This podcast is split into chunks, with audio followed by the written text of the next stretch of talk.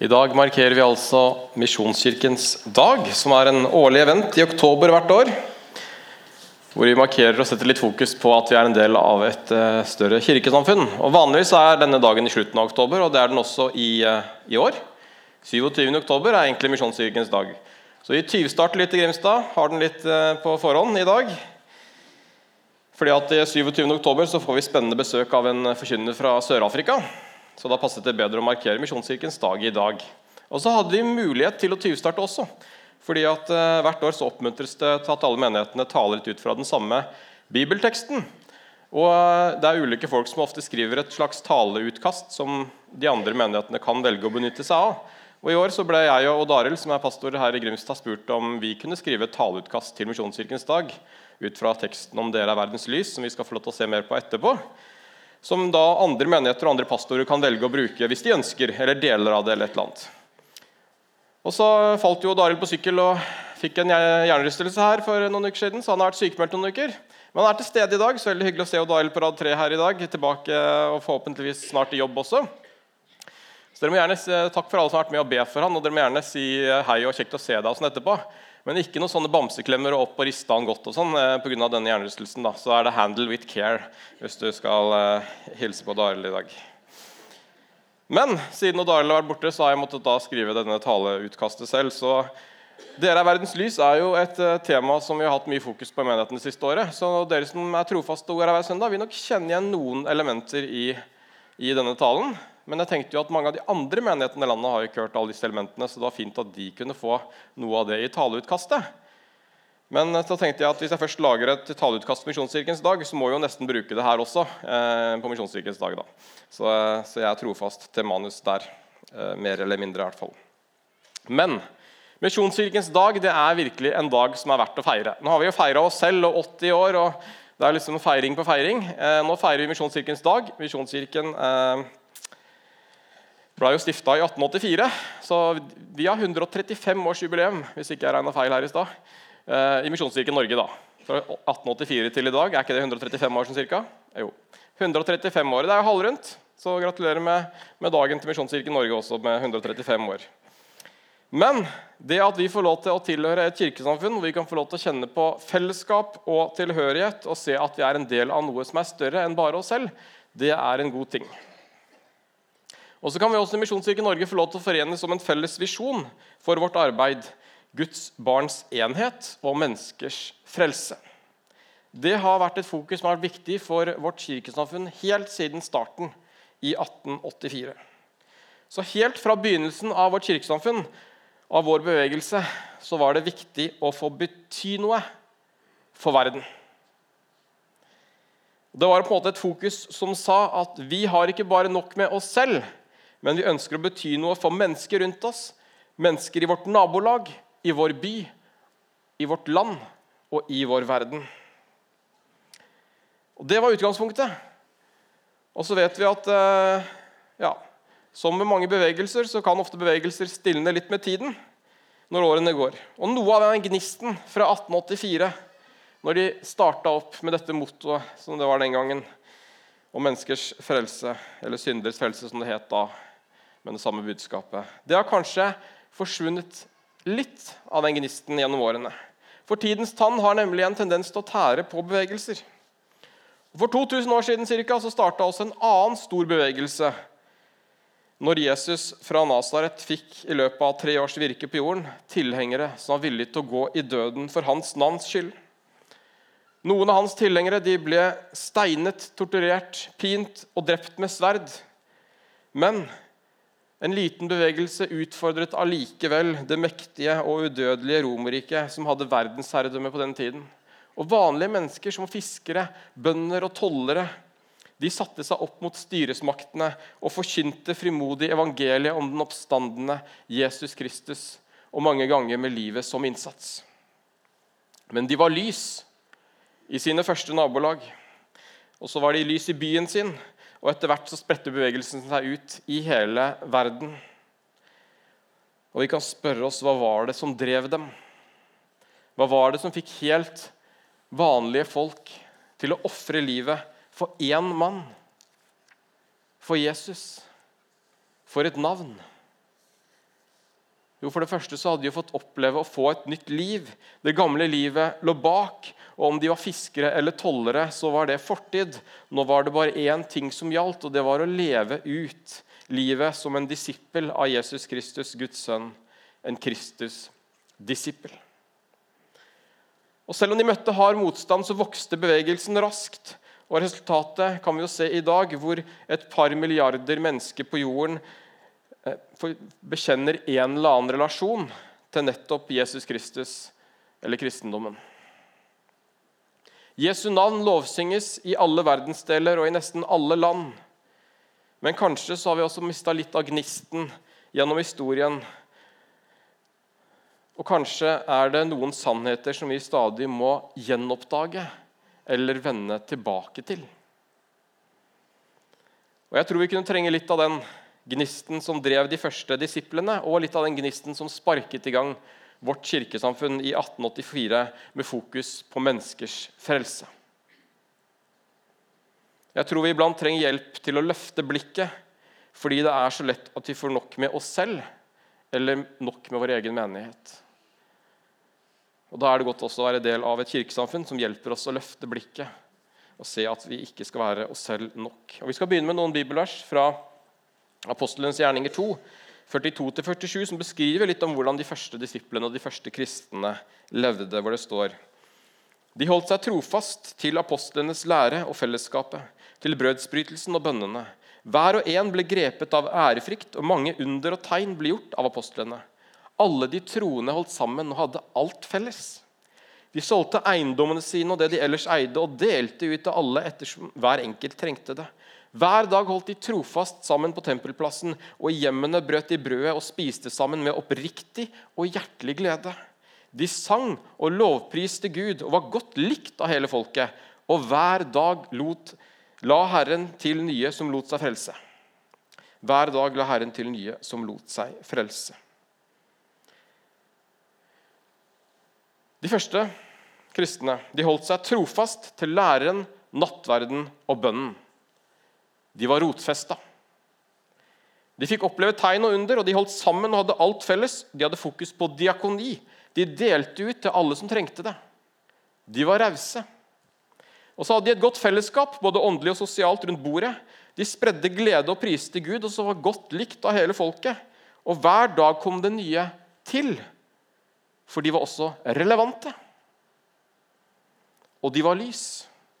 Og rotfesta, raus og relevant er de verdiene vi har som kirkesamfunn, og som vi ønsker skal kjennetegne oss som disipler. Og Vi har også de verdiene her i vår menighet. Og Vi ønsker at vi skal være rotfesta, rause og relevante, akkurat slik som vi kan lese her om de første kristne. Men så står det her også at de var godt likt av hele forget, Av folket. Og er vi i dag som kristne godt likt av hele folket? Eller hender det kanskje at vi kristne noen ganger kan bli sett på som ja, litt dømmende eller litt fordømmende? eller Kanskje noen ganger. Kanskje også har vi noen ganger blitt mer opptatt av å fordømme mørket enn å være lys. Og så har vi kanskje glemt at den beste måten å gjøre mørket til lys det er nettopp ved å få lys i det, og ikke ved å kritisere mørket. Kanskje er vi noen ganger mer opptatt av å sukke og stønne over volden i samfunnet, istedenfor å faktisk hjelpe han som vi møter på vei, og som er slått ned av røvere. For ofte har vi nok med oss selv, både som enkeltmennesker og som menigheter, dessverre. Og Jesus ba oss aldri om å ha nok med oss selv. Og Utgangspunktet for denne talen og for Misjonsstyrkens dag er da disse versene som vi finner i Matteus 5, vers 14-15, hvor Jesus sier Dere er verdens lys. En by som ligger på et fjell, kan ikke skjules. Heller ikke tenner man en oljelampe og setter den under et kar. Nei, man setter den på en holder, så den lyser for alle i huset. Et lys skal synes. Et lys skal kunne ses på avstand. Det er en grunn til at lysestaken her er litt høyde på, så det skal se de. Det hadde ikke vært så mye hjelp hvis de sto nede på bakken. Men de skal synes. De skal settes på en det var ikke noen der i dag, nei. Men der! En holder som ses på avstand. Og Som disipler så er vi kalt til å være lys som syns på avstand. Som syns. Og I Johannes 8,12 så sier Jesus om seg selv.: Jeg er verdens lys. Den som følger meg, skal ikke vandre i mørket, men ha livets lys. Ok, kan vi si. Det er jo greit. Vi er enige om at Jesus er verdens lys. Men skal vi være det også? Ja. For i Johannes 9, 5, så sier også Jesus at 'så lenge jeg er i verden, er jeg verdens lys'.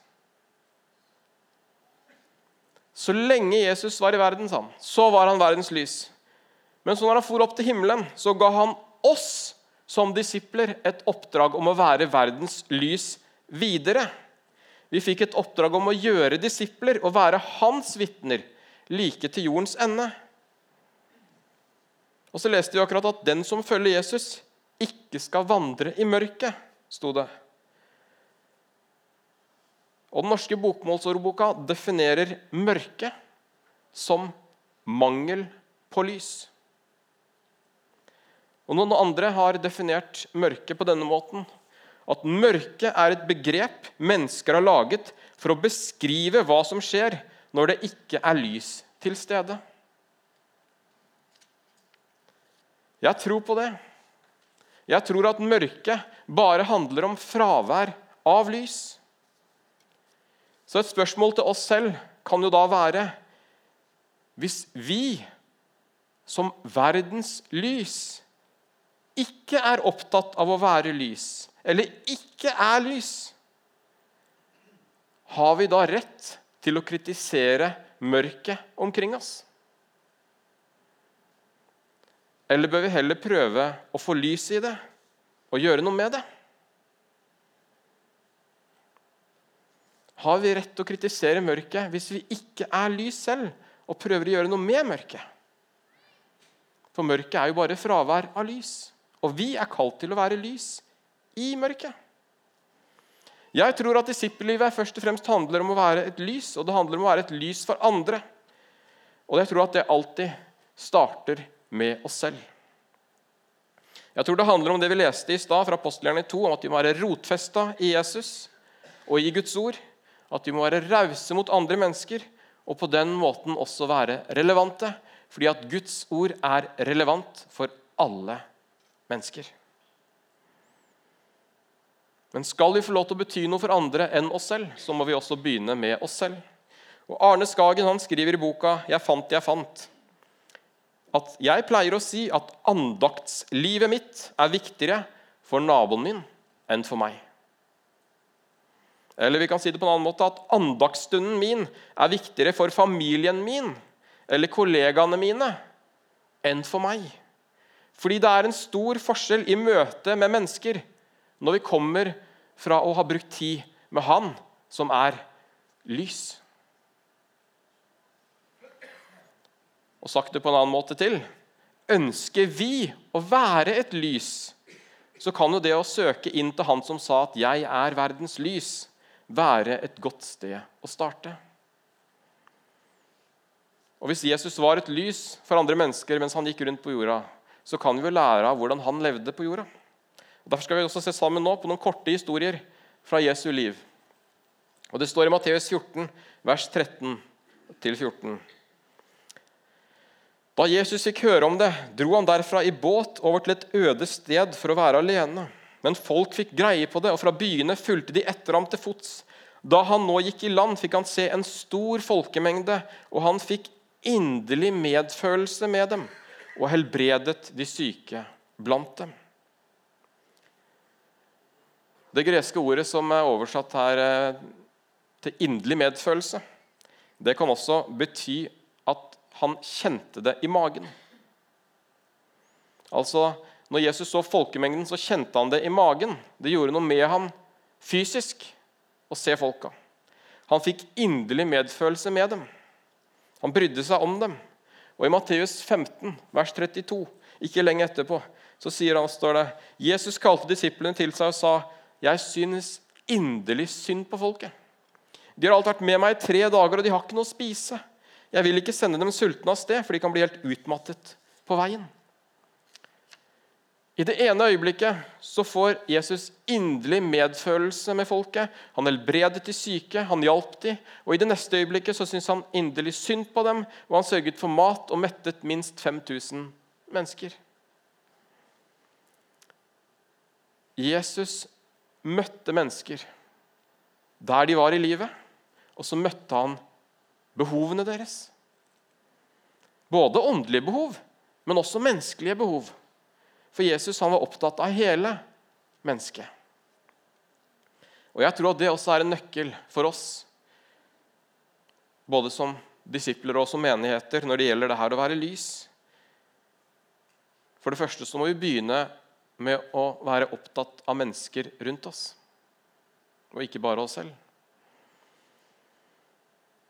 Og så må vi lytte litt til kanskje de gangene hvor vi kjenner det i magen. Når vi får inderlig medfølelse med noen eller syns synd på noen eller kjenner et eller annet. Og så kan du tenke etter i hvilke sammenhenger er det? I hvilke sammenhenger er det at du kjenner det i magen i møte med mennesker? Hva er det som berører deg, eller hvem berører deg? Kanskje så er det der først og fremst du kan begynne med å være et lys. Der du kjenner at det her gjør noe med meg. Dette berører meg. Dette har jeg lyst til å gjøre noe med.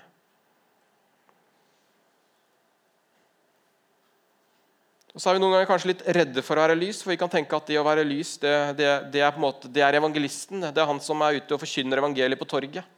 Eller han som går ut på gaten og ber for syke. Og det er også lys. Men det er én måte å være lys på. Man kan også være et lys gjennom diakoni, gjennom å dekke menneskers praktiske behov, som behov for mat, sånn som Jesus gjorde, eller andre ting. Og Jeg tror ikke at det er tilfeldig at Jesus utfordrer oss på det at å elske vår neste er like viktig som å elske Gud. For Jeg tror det ligger også en nøkkel i å klare å balansere det som disipler og etterfølgere av Jesus i våre liv. Og ikke bare elske Gud, som har elsket oss først, men også elske naboen, kollegaene, de menneskene vi møter på vei, som kanskje koster litt mer noen ganger å elske og være lys for. Og Det trenger ikke alltid å være avansert. Noen ganger så handler det om å være et lys bare om å inkludere noen og se noen og bruke tid med noen. Og Et siste eksempel fra Jesu liv i forhold til akkurat det her, det er jo historien om når Jesus møter tolleren. Sakkeus. Du kan gjerne lese historien selv i Lukas 19. Men kort fortalt så handler det jo om at Jesus kommer gående her, midt i folkemengden. Og Så ser han tolleren og synderen Sakkeus som sitter oppe i et tre. Og Så ber han Sakkeus klatre ned fordi han vil spise et måltid med han hjemme hos Sakkeus.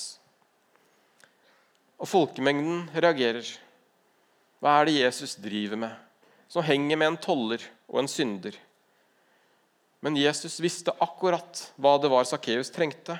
Og så møter han Sakkeus sitt behov, som ikke først og fremst var mat, i denne konteksten, men det å bli sett, det å bli inkludert og det å bli verdsatt for den han var. Og et møte med Jesu kjærlighet forvandlet tolleren Sakkeus. Jeg tror at det er en stor mulighet for at folk som kjente Sakkeus, tenkte om han at han Sakkeus han er et tapt tilfelle. Han er det ingen vits i at Jesus bruker tid på, for han er den siste som vil forandre seg. Men han forandra seg likevel. For det finnes aldri noe som er så mørkt at ikke lyset kan trenge inn. Lyset er alltid sterkere enn mørket. Og Leonard Cohen sier det fint i en av sine sangtekster. Ring the bells that still can ring. Forget your perfect offering. There is a crack in everything. That's how the light gets in. Altså, det finnes en brist i alle ting, og det er slik lyset kan komme inn. Jeg tror at selv de mørkeste ting, og alle mennesker har en sprekk i seg som gjør at lyset kan trenge inn, uansett hvor håpløst ting ser ut i utgangspunktet.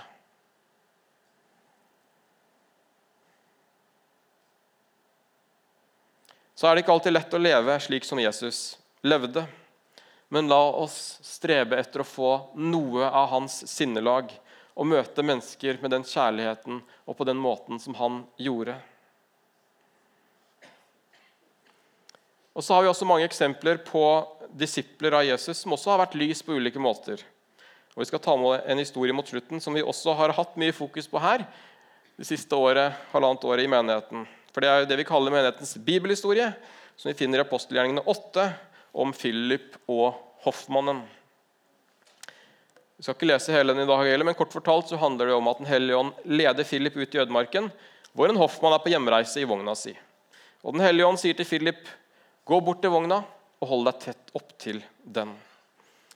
Philip springer bort, går ved siden av vogna og hører at hoffmannen leser fra Jesaja. Og Så sier Philip, 'Forstår du det du leser?' Og Så inviterer hoffmannen Philip opp i vogna. Og ut fra det hoffmannen leser, så forkynner Philip evangeliet om Jesus. Og Så ender han med at han får lov til å døpe hoffmannen i et vann langs veien. Og så står det at hoffmannen fortsatte lykkelig videre på sin ferd. Og Det er så mye gull i den historien som vi har snakka om flere ganger det siste året her. Men for det første så var jo Philip han var, var for åndens ledelse i sitt liv. Og når Den hellige ånd leda Philip ut i ødemarka, så gikk han ut i ødemarka. Han sa ikke at 'det passer ikke nå, Gud, for jeg skal se Tottenham-kamp på TV'. Selv om det også er ting man kanskje lett kan prioritere bort i dag. siden ikke det går så bra med de. Men uh, det var ikke det han sa. Men han gikk når Den hellige ånd kalte han. Han visste at det er en grunn til at jeg skal ut i ødemarka. Og Hvis vi skal høre og lytte til hvor Den hellige ånd ønsker å lede oss, så må vi være rotfesta. Da må vi bruke tid med Gud, Guds ord. Vi må velge å lytte i en travel hverdag. Og Philip er åpen, han lytter, og han blir leda bort til vogna til hoffmannen og får lov til å holde seg tett inntil denne vogna en stund. Og Det er kanskje mennesker i din nærhet som også Den hellige ånd vil lede deg til hvis du lar han få lov til å gjøre det. Og som du kan få lov til å gå tett inntil, enten i en kort periode, slik som Philip her, eller i en lang periode, og det å følge noen over tid. Og så er det ikke her heller Philip som tar opp temaet tro, men Hoffmannen er allerede opptatt av temaet. Og Det kan være lett å tenke akkurat som Sakkeus, at hoffmannen han er nok sikkert en som ikke er opptatt av sånne ting som tro, for han har penger, han har makt, han har posisjon, han har det sikkert flott og er sikkert lykkelig på alle måter.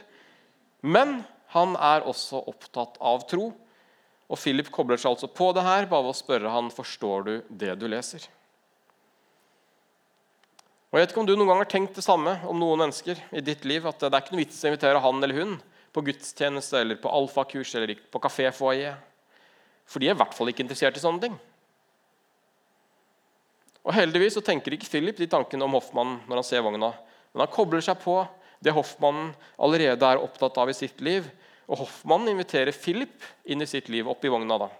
Og Sammen så får de lov til å se på teksten, og Philip får lov til å bruke det som hoffmannen er opptatt til, og forkynne evangeliet for ham.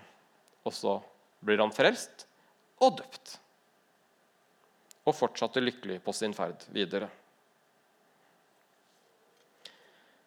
Så hadde Philip gjort det han skulle gjøre. Han fikk lov til å være et lys langt ute i ødemarken.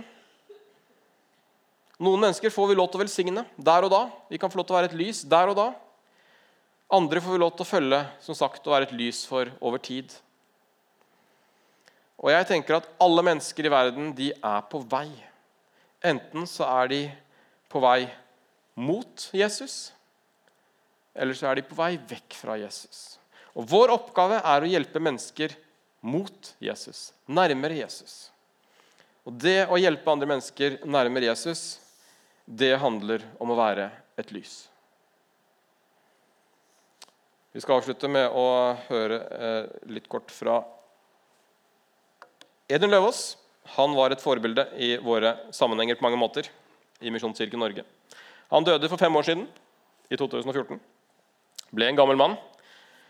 Han skrev sin første bok i 1950, som het 'Vår tid trenger Kristus-disipler'. Også ofte, som ofte i Edins liv så lå han ofte noen tiår foran samtiden. Og Jeg tror han også var inne på noe viktig i den boka, hvor han skrev at hver tid har en nøkkel som passer inn i sin tidslås. Og I en tid så het den nøkkelen vekkelsesmøte, og hvor en predikant og en plakat var ofte det som skulle til for at folk kom til tro eller kom på møte. I en tid var det kanskje søndagsskolen eller andre kristne treffsteder fordi at alle ville sende barna dit. De ville at de skulle få en god start på livet. Og selvfølgelig, fortsatt i dag kan Gud møte mennesker både gjennom vekkelsesmøter, gjennom teltmøter, gjennom søndagsskoler. Men jeg tror også, som Edin, at vår tids vekkelse kanskje først og fremst vil skje gjennom relasjoner, gjennom enkeltpersoner, gjennom bordsamtaler rundt måltidet, og gjennom det at vi får lov til å gå tett inntil andre mennesker som vi møter på vår vei. Edin skriver også i boken 'Disipler' fra 1976 hvordan det her med å koble seg på mennesker i vår nærhet kan se ut, når han skriver Spark fotball og mal blomster på porselensboller, og lær dere russisk. Men gjør det ikke bare fordi det er morsomt og nyttig, men først og fremst for kontaktens skyld. Så når du inviterer noen på middag eller på en kopp kaffe, når du tar en prat med folk, når du gir noen en oppmuntring, når du engasjerer deg i det lokale idrettslaget, når du står opp for urettferdighet, når du smiler til noen, når du hjelper noen å fikse et eller annet, eller holder døra oppe for noen, eller inviterer til samtale om tro rundt middagsbordet eller i jobblunsjen eller på skolen eller der hvor Ånden skulle finne på å lede deg, så er du et lys. Å være et lys handler i bunn og grunn om å inkludere andre i ditt liv, og ikke bare tenke på seg selv. Og Du trenger altså ikke å være evangelist eller god med ord eller ekstrovert for å være et lys. Du trenger egentlig bare å være deg selv. Og jeg tror egentlig at du alltid vil lyse best når du er deg selv, og ikke prøver å være en kopi av andre. Så min bønn til slutt på denne misjonskirkens dag er at vi som menigheter virkelig må få gjenoppdage den gløden som gjorde at når vi skulle velge retning for vårt kirkesamfunn, så var det Guds barns enhet og menneskers frelse som gjaldt. Så min bønn er at vi må få lov til å få kraft og styrke til å være lys, og at vi i tiden som ligger foran, også her i Grimstad, skal få lov til å se mange Sakkeuser og hoffmenn som kommer til tro på Jesus. Så er det jo spennende hvis vi som enkeltmennesker begynner å være lys i våre nabolag. Så kan vi som menigheter få lov til å være lys i våre byer. Fordi at menighetene våre består jo av enkeltmennesker. Og siden vi har menigheter rundt omkring i landet, i mange byer, så kan vi kanskje også få lov til å være et lys for landet. Og kanskje også for verden etter hvert. Men det begynner med oss selv, i våre relasjoner, i våre nære relasjoner. Dere er verdens lys. La oss be om kraft og styrke til å være lys. Kjære far. Takk for det forbildet som du har vist oss gjennom det å være et lys, gjennom måten måten vi kunne lese om Jesus møtte mennesker på på jorda. Takk for din omsorg for mennesker, far. Takk for din kjærlighet til alle verdens mennesker. Må du hjelpe oss til å elske mennesker på den måten som du gjør det. Må du gi oss kjærlighet, må du gi oss kraft og styrke til å være frimodige lys for andre mennesker i vår nærhet, far. Må du lede oss slik som du leda Philip til hoffmannen, far.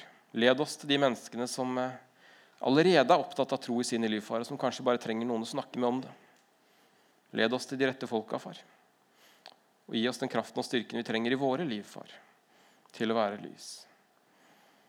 Hjelp oss til ikke bare å ha nok med oss selv, men til å løfte blikket og ta oss tid til å bety noe for mennesker i vår nærhet. Det ber vi om. I Jesu navn. Takk at du hjelper oss til det. Amen.